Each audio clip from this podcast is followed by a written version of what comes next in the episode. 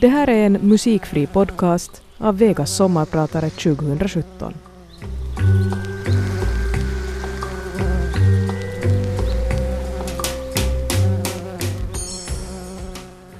En olycka kommer sällan ensam, heter det. Och det är förvisso sant. Det har jag med regelbundna mellanrum själv fått märka. Stora förändringar har en benägenhet att komma i grupp, men samtidigt har klustren av motgångar, som det heter, alltid lett till att man kommit stärkt ut på andra sidan. Det är 1995, en solig och lövgrann hösteftermiddag på Vasagatan i det pittoreska Göteborg. Jag och min studiekamrat har precis för sista gången stängt dörren bakom oss till hyreslägenheten som vi blivit vräkta från. Mitt högra ben är gipsat från tå ända upp till knä. Och jag styltar fram på kryckor, fullpackad med en madrass hoprullad och fastsurrad över axlarna. På ryggen och magen hänger väskor och påsar tejpade och bundna vid min kropp. Lite kläder, kastruller, böcker och instrument. Det går långsamt. Ett kryckigt steg i taget. Men det går framåt. Jag tänker på min flickvän som gjorde slut helgen innan och på hyresbolagets omutliga tjänsteman som minsann inte tyckte att ett brutet ben var skäl nog att skjuta upp verkställande av räkningen som vi visserligen förtjänat genom att fästa oss genom sommarnätterna i det vackra Haga med diverse vänner och löst folk hemifrån Finland på ständiga besök. Men nu var sommaren slut, socialbidragen uppdruckna och framtiden åter öppen. Först långt senare fick jag höra att det är ett vetenskapligt faktum att män under 21 år, helt eller delvis, saknar förmågan att gestalta konsekvenserna av sitt handlande. I backspegeln är det lätt att konstatera att vetenskapen hade rätt igen. Det här var inte första gången vi hade blivit vräkta och tyvärr inte heller den sista. Jag stiltar mig framåt mot Vasaplan där min kompis lyckats hitta varsitt rum åt oss i ett kollektiv i ett av de oerhört vackra stenhusen vid Kungsportsavenyn. Det är en gammal Patricia-lägenhet på över 300 kvadratmeter och högt i tak. Vi delar utrymme med några andra konstnärer. En folkmusiker från Polen, en bildkonstnär från Jyväskylä, en heavy metal-basist från Trollhättan, en porrstjärna från Stockholm och hennes mystiska pojkvän och manager. Plus en massa folk som bara kommer och går, stannar en natt eller längre på någon av sofforna. Oklart om de bor där eller inte. Själva fastigheten ligger under konstant hot att utrymmas eftersom byggherren Wallenstam, Göteborgs största gryndare, vill förvandla alla gamla bostäder i innerstaden till kontor. Det var trenden i medel av 1990-talet och Jussi, bildkonstnären från Jyväskylä, som sitter på hyreskontraktet för kollektivet, har fullt upp med att avvärja vräkningshoten och kontaktar till sist ett lagbiträde för anarkosyndikalisterna som sätter hårt mot hårt i förhandlingarna med Wallenstams advokater. Jussi har en konstig karisma och en förmåga att styra upp saker, trots att hans svenska är långt ifrån perfekt. Men kanske är det ingen som tänker på just det, eftersom han samtidigt lider av grav afasi som hindrar honom från att yttra mer än ett eller två ord i följd. Ett samtal med Jussi kräver tid och tålamod. Bägge två saker som advokater har ont om. Hur som, på något sätt lyckas Jussi fördröja vräkningen av konstnärskollektivet från borgarvåningen på Vasagatan med ett par år. Men då har jag redan flyttat hem till Helsingfors igen. Senast jag besökte Göteborg noterade jag att huset vi bodde i då för 20 år sedan nu åter var omgjort från kontor till bostäder. Jag heter Janne Strang, journalist och medieföretagare, 43 år. Det här är mitt sommarprat. Nere i kaféets grovkök i källaren på Elisabetsgatan är det alltid lite för varmt. Ugnen och spisen står på konstant och det ligger en fuktig air av bakt potatis, tonfisk och majonnäs i luften. Där står jag, svettas lätt och skär upp tomater i skivor. Tiotals tomater, hundratals och de tar aldrig slut. Hur många tomater jag än skär upp kommer de snart att ätas upp eller slängas och jag får skära upp mera igen. Det är sent 90-tal och jag har vid sidan om studierna jobbat på olika kaféer i Helsingfors i vad som känns som en evighet. Men egentligen bara drygt ett år eller kanske två. Men det känns som det måste finnas något mer i livet än att skära tomat och koka kaffe. Vår chef är toppen. Han är från Kalifornien. En tidigare surfare, punkare och skateboardare med någon obskyr Finlandskoppling som förklarar att han har lämnat den soliga amerikanska västkusten för det nyckfulla finska klimatet. Han har själv byggt varenda möbel i café och inrättsställe, Designat recepten och kaffedrinkarna och nu till och med börjat med open mic nights trots att jag har försökt varna honom. Visionen är i sig fin, att låta människor uppträda med sin egen poesi eller musik på café, skapa lite innehåll och underhållning, men det här är Finland, säger jag till honom. Om du visar en mikrofon för gästerna kommer de att vända på klacken i dörren. Och det vägrar han ju tro, naturligtvis, kalifornisk optimist som han är. Men det är klart att den cyniska finnen hade rätt. Den första Open Mic Night slutade med att han själv står där och läser sina dikter för oss anställda. Sen tvingar han upp oss för att göra detsamma. Men jag är förberedd. Inför ett halvtomt golv med kollegor plockar jag upp en liten pamflett med korta essäer av Albert Camus. Väljer en svårbegriplig men vackert formulerad text med referenser till Iliaden och modernismen, Sköna Helena och upplysningens fyrbåkar. Det blev så vitt jag minns aldrig några fler open mic nights. Och följande dag sa jag upp mig från Tomatteatern i källaren. Chefen tog det personligt. Jag trodde vi var vänner, sa han sårat och amerikanskt. Jag började inte förklara att jag upplevde vänskap som något annat än att skära tomater för honom för minimilön. Utan sa bara att mina ambitioner i arbetslivet var någon annanstans. Var exakt var jag inte på det klara med då. Kanske hade Camus någonting med den saken att göra. Enligt honom måste ju människan varje dag finna en orsak att inte ta livet av sig. Jag skulle vilja skriva, sa jag till en kompis på Café Kafka på Svenska Teatern där vi alltid satt efter skoldagen och fyllde upp våra kaffekoppar och rökte cigaretter. Jag skulle vilja skriva en artikel. Men skriv, sa han. Och det var så jag blev journalist. Min allra första artikel handlade om den serbiska motståndsrörelsen Otpor som kämpar mot Slobodan Milosevic terrorvälde vid universitetet i Belgrad. Det var ännu inte alldeles vanligt med e-post på den tiden men jag fick en kort korrespondens med en anonym person från rörelsen som jag sen aldrig hörde av igen. Artikeln publicerades i Ny Tid. Milosevic föll och Otpor uppgick senare i det demokratiska partiet som idag har 12 av det serbiska parlamentets 250 säten. Samma vecka som mitt första barn föddes i juni 2001 började jag också mitt nya jobb på Hufvudstadsbladet. Positiva saker har också en tendens att klumpa ihop sig. Att få barn är det mest betydelsefulla som kan drabba en person, antar jag.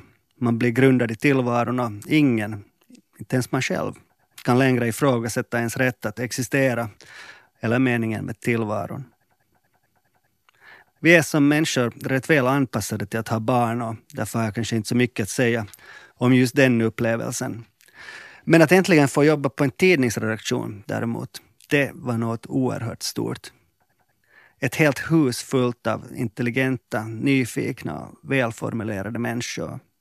Orädda, luttrade, cyniska, fullständigt på det klara med sin uppburna uppgift som bevakare av makten och privilegiet att vara del av en elit, ett av de tunga tidningshusen i landet.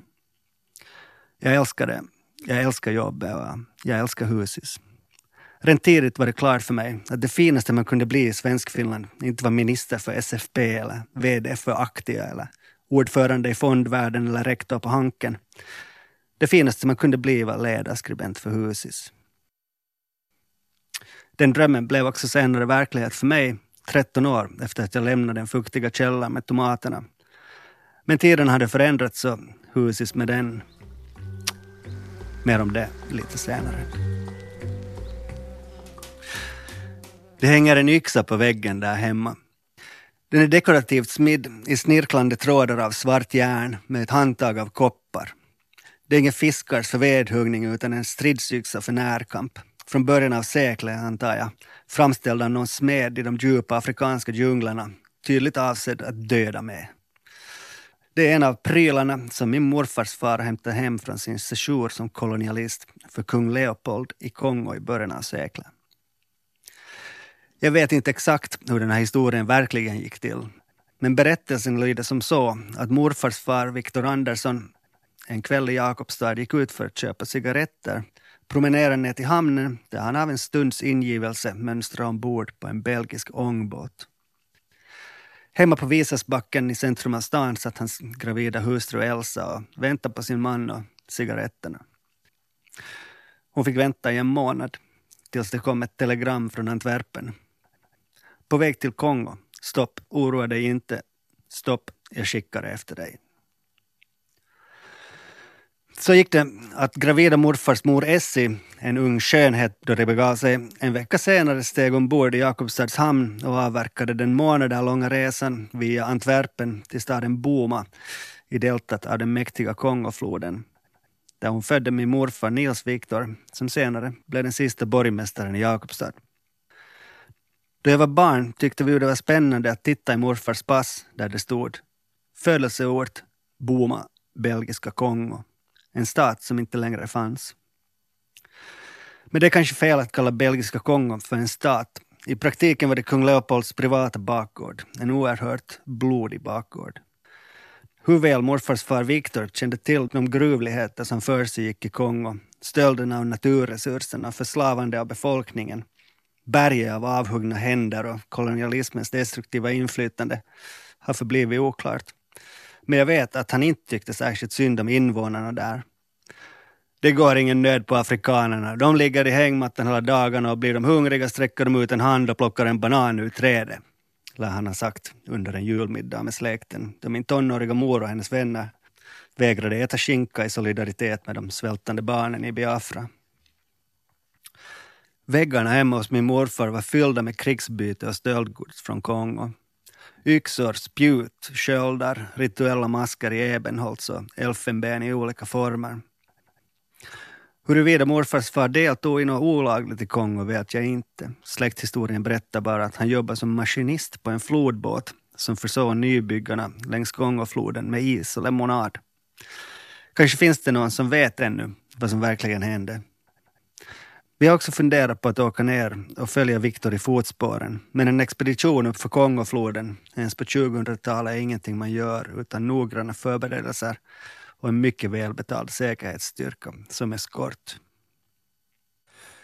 Att på det här viset, om så bara genom en stridsyxa på väggen, vara en levande del av den europeiska kolonialhistorien sätter visst perspektiv på världen och på möten mellan människor och kulturer Historien går aldrig att ändra på. Europa har blod på sina händer och 500 år av imperialism har nu börjat hinna ikapp oss. Inte minst i form av folkvandringar och flyktingskap från de länder som vi en gång som unga män utan tanke på konsekvenser lagt under oss. Plundrat, mördat, kuvat, manipulerat och styckat upp.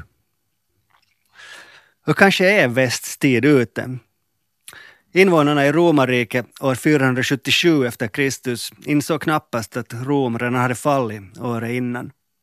Idéhistorikern Oswald Spengler skrev för hundra år sedan i Det Untergang des Abendlands om Europas förfall från kultur till civilisation.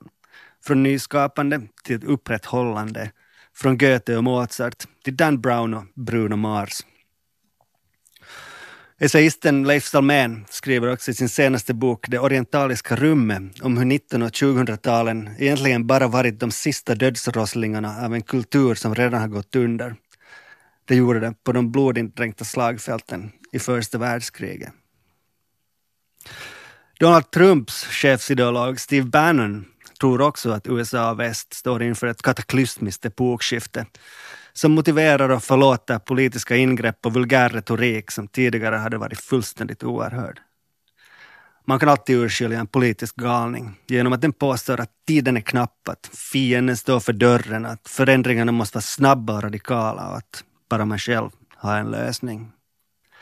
Allt prat om undergång och kataklysmiska scenarier är naturligtvis strunt. I alla andra perspektiv än som framtidens historieskrivning. Förändringar sker konstant, till det bättre och till det sämre, men inget utom kanske globalt kärnvapenkrig eller jättemeteorit kommer att ödelägga mänskligheten på det sätt som extremister vill få oss att tro. Till och med klimatförändringen sker så pass långsamt att vi sannolikt kommer att sitta som grodor i en sjudande kastrull och till slut koka ihjäl utan någon nämnvärd panik på gatorna eller kollapsa den globala kapitalistiska strukturerna. Och vad gäller Europa och de hotfulla scenarier som invandringsmotståndarna tycker om att basunera ut är det samma sak. Långsamt, långsamt får vi en mer divers population och en dag kanske arabiska och afrikanska ättlingar är i majoritet också i Finland, på gatorna och i riksdagen. Jag brukar leka med tanken att en ättling till den som har snidat yxan på min vägg av någon anledning ska komma hem till oss. Han ska känna igen modellen och minnas sin morfars far och berätta sin sida av historien. Kanske vill min son, som nu äger yxan genom att ha fått den i dopgåva av sin farmor, ge den tillbaka åt killen från Kongo. Det vore en fin knut på hans farmors farfars Viktors äventyr. Min son heter också Viktor. Och jag heter Janne Strang. Du lyssnar på Sommarprat i Yle Vega. För ungefär tio år sedan rådde en ovanlig enighet på det finländska politiska fältet, bland ledarskribenter och kanske till och med bland allmänheten. Det behövs mera politik i politiken, sade man. Alla partier hade i stort sett samma agenda då. Ekonomi, arbete och medelklass. Det var regnbågsregeringar med enbart gråa nyanser, som Helsingfors himmel från oktober till april. Och sen, sen kom Jytkyn.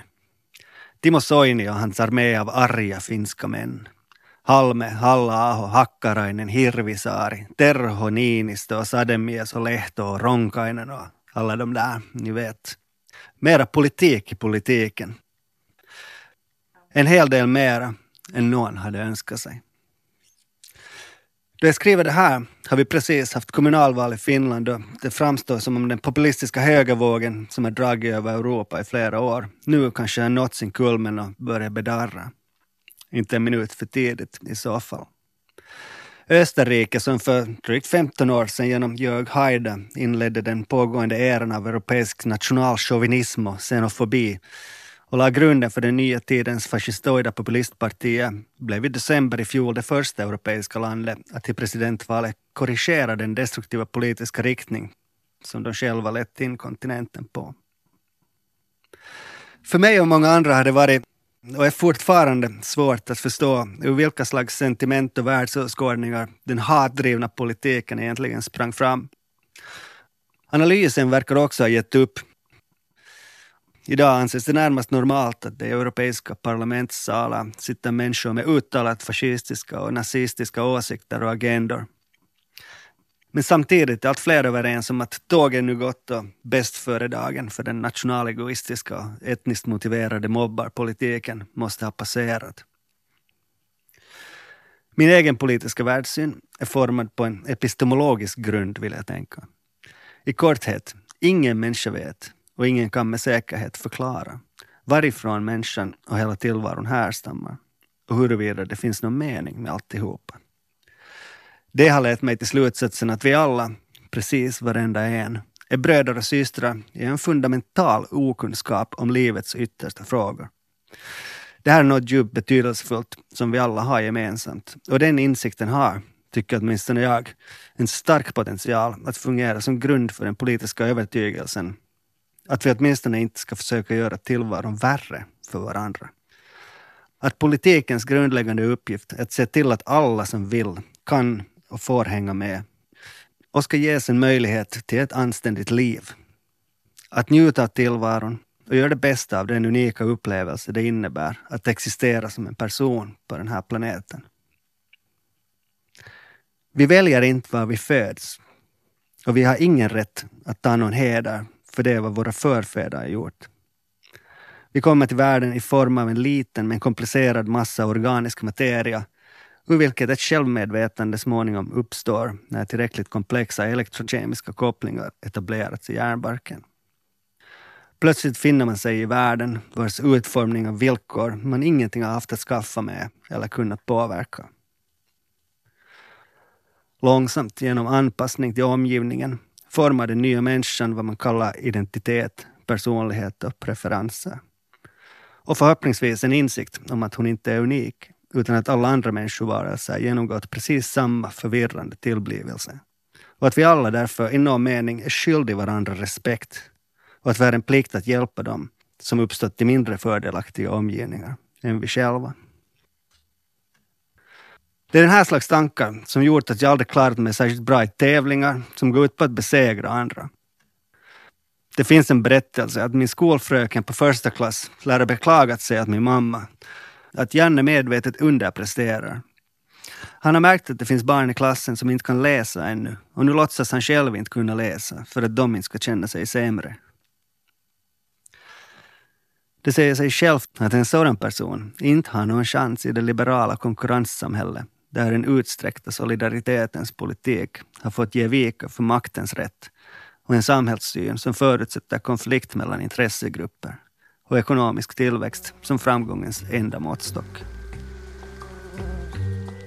Filosofen Immanuel Kant definierade 1700-talets upplysningstid som människans utträde ur sin självförvållade omyndighet Genom den vetenskapliga metoden blottade världen sin sanna natur medan makten sakta gled ur händerna på kyrkan och ut i det civila samhället.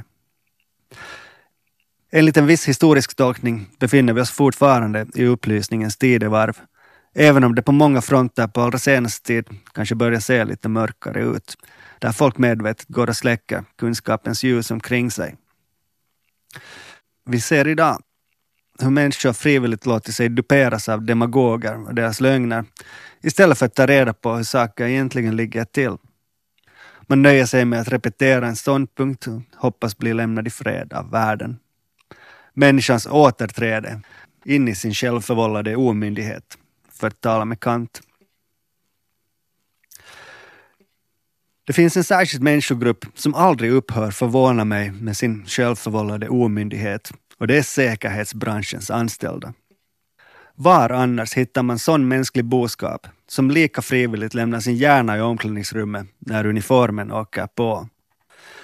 Vi borde tala mer om det galopperande vansinne i säkerhetsbranschen, särskilt vid flygplatskontrollerna, och vad det är för mekanismer som möjliggör ett så orimligt korkat och obstinat beteende hos vuxna människor. Och vad är det för mekanismer hos oss andra som, utan att vi brister ut i gapskratt eller raseri, låter säkerhetskontrollanter beslagta våra vattenflaskor och schampoflaskor, tvinga av oss jackor och skor och tassa i strumpfötter genom helkroppsröntgen med armarna ovanför huvudet. Inte bara är den moderna säkerhetsritualen i sig fullständigt värdelös i 99 procent av alla fall och kränkande i 100. Det verkliga vansinnet ligger i att den här teatern inte kan kritiseras utan att debattören stämplas som en frivol, oansvarig libertarian för vilket mänskligt liv är av relativt värde. Trygghet är en av västerlandets största fetischer idag. Problemet med tryggheten är bara det att den är en illusion som kan förstärkas ad absurdum men aldrig monteras ned. Precis som byråkrati har en inneboende logik som kräver att den genom allt mer sofistikerade definitioner och regleringsformuleringar ständigt växer men aldrig kan avveckla sig själv finns det heller ingen gräns för hur många nya så kallade trygghetsskapande åtgärder man kan auktorisera. Medan det anses fullständigt uteslutet att avveckla säkerhetspraxis som en gång etablerats. Om vi inte ska drunkna i oöverblickbara mängder lagtext och allt mer intrikat formulerade regleringar av samhällets minsta beståndsdelar måste politikerna börja tygla byråkraterna de kommer inte att göra sig själva onödiga. Och samma dynamik gäller inom säkerhetsbranschen. Det är vi som aktivt måste hejda utvecklingen där nya krav på integritetskränkande praxis lobbas fram som självklarheter. Och starta en diskussion om vad som är en rimlig allmän trygghetsnivå. Säkerhetsbranschen kommer inte att avveckla sig själv. Tvärtom behöver de en eskalering av rädsla för en stadig tillväxt och rädsla är den kanske sämsta affekten att fatta beslut under. Vi håller på att kväva oss själva i vår egen trygghet. Men fortfarande har det en dålig klang bland den politiskt halvengagerade medelklassen om beslutsfattare ifrågasätter behovet av ökad trygghet och säkerhet. Och därmed har vi kollektivt återinträtt i vår frivilliga omyndighet. Det är inte genom en plötslig katastrof som civilisationer går under. De kväver sig själva långsamt och blir före det omänskliga att leva i. Det finns en teori som hävdar att den sociala förutsättningen för första världskrigets fasansfulla industriella slakt av miljoner människor var den viktorianska dubbelmoralen. Det dåvarande samhällets förutsättning att individen ska tygla sina samtliga mänskliga impulser hade nått en lika självklar som omänsklig nivå. Så pass att man hellre dog på en belgisk leråker i regnet än levde en enda sekund till med händerna på täcket. Jag har lekt med tanken att det är samma sak med det kapitalistiska kontrollsamhället. I något skede, när varenda gathörn har en kamera, varje litet företag har tillgång till din browsinghistoria och algoritmerna på Facebook lyckas förse dig med riktad reklam som anspelar direkt på dina specifika sexuella preferenser. Och din chans att få ett banklån, en hyreskamp eller hälsoförsäkring hänger på genetisk kod. Någonstans där kommer vi också att föredra att dö i en självmordsred mot NSA och Googles gemensamma serverparker än lyssna på en enda sekund till av personligt riktad konsumentupplysning. Kapitalismens och tillväxtens logik är människans egen. Allt som är möjligt att göra kommer också att göras. Och det kan väl sägas att kapitalismen har fått mycket kritik och säkert väl förtjänt till en viss del. Men om det är någonting den gjort så är det att förse spirituellt handikappade människor med en orsak och mening med tillvaron. Du lyssnar på Yle Vega. Det här är Sommarprat med Janne Strang. Och eftersom jag sitter här och sommarpratar på grund av mitt förra jobb som skribent för Hufvudstadsbladet är det kanske på sin plats att tala lite om vad som hänt där under senaste tiden och varför jag inte jobbar där längre. Förr i världen brukar man tala om huset som en arbetsplats som man endast lämnar med pension eller med fötterna före. Det var på den tiden när papperstidningen var som en licens att trycka pengar. Annonsmarknaden och upplagorna bara växte. Vår kollega Helsingin sa om att söndagsnummer var groteska, flera hundra sidor, tjocka buntar och som bäst hade Hufvudstadsbladet också lokalkontor, inte bara i flera olika städer och byar ute i landet, utan också i de olika stadsdelarna i Helsingfors. Firman hade långt över tusen anställda Bland dem en chaufför som skjutsade de salongsberusade redaktörerna till pressmöten med fri bar. Idag finns nästan inget av glamouren i tidningsbranschen kvar. Journalisternas arbetsbild innefattar allt från att skriva till att fotografera, filma, klippa video, bildbehandla, versionera, publicera och distribuera. Men det skulle vara ett misstag att tro, vilket många gjorde när nedgången för tidningarna började, att det är något fel på själva innehållet. Nyheter är fortfarande lika relevanta som alltid och inte har den välgjorda tryckta tidningen heller spelat ut sin roll. Journalism kan aldrig handla om att göra pengar, tyckte Gandhi. Och visst är det problematiskt att ge ut nyheter på marknadsvillkor. Men det är ännu svårare att ge ut någonting alls om det inte säljer. Dilemma är alltså hur man finansierar oberoende informationsspridning Traditionellt har man gått in för olika lösningar som alla i någon form innebär att nyhetsredaktionen, tidningens själ och hjärta, arbetar hermetiskt isolerade från och oberoende av de funktioner som drar in pengar till firman, det vill säga annonser, prenumerationer, prylförsäljning, företagssamarbeten, donationer, ägarsubventioneringar och vad man kan tänka sig. I det traditionella tidningshuset höll man nyhetsarbetet strikt åtskilt och skyddat från marknadsavdelningen. Chefredaktören ledde redaktionen och den verkställande direktören såg till att ekonomin var i skick. Och sen fick de två bryta arm om resurserna.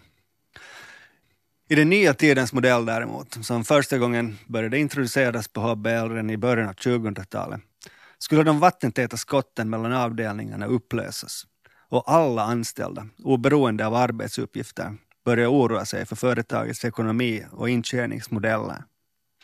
Som en kulmen på den här modellen slog man ihop chefredaktörs och vd-jobbet, vilket förstås resulterade i att chefredaktören till 90 procent blev upptagen med ekonomifrågor, medan styrningen av redaktionen, tidningens linje och journalistiska utveckling led. Allt medan skribenter och fotografer bussades iväg på flera dagar långa workshops på landsortshotell och konsultbyråer där personalen förväntades komma med idéer för att rädda ekonomin. Som jag minns dem var de absurda, illa arrangerade tillställningar som inte ledde till annat än att korrumpera journalisternas yrkesstolthet och självbild medan de ansvariga cheferna fick alibi för sin egen inkompetens och visionslöshet.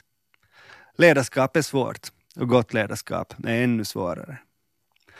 Men var det faktiskt någon som trodde att journalister kommer att börja skriva mer säljande artiklar om de konstant hålls i krismedvetenhet och dagligen påminns om företagets svåra ekonomiska situation? En beskrivande analogi som jag försökt hålla framme är huruvida Marimekos designers skulle skapa mer säljande mönster om man konstant viftar med bolagets resultat i ansiktet på dem. Nu har också Husis återgått till den gamla modellen med skild VD och chefredaktör. Nu behöver man bara återfinna sin identitet och mening, sin vision och strategi.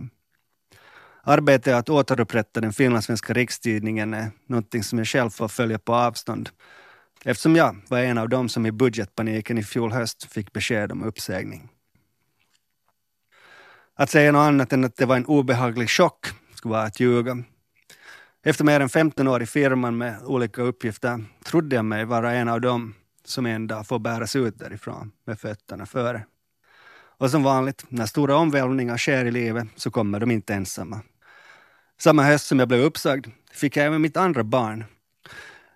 Mer spännande hade däremot varit att bli far igen och egen företagare. Så lärdomen av allt snack idag är inte ny, men det är bra att påminnas om att kriser och förändringar alltid leder vidare och att det finns ett gott liv också utanför löneslavens trygga bur.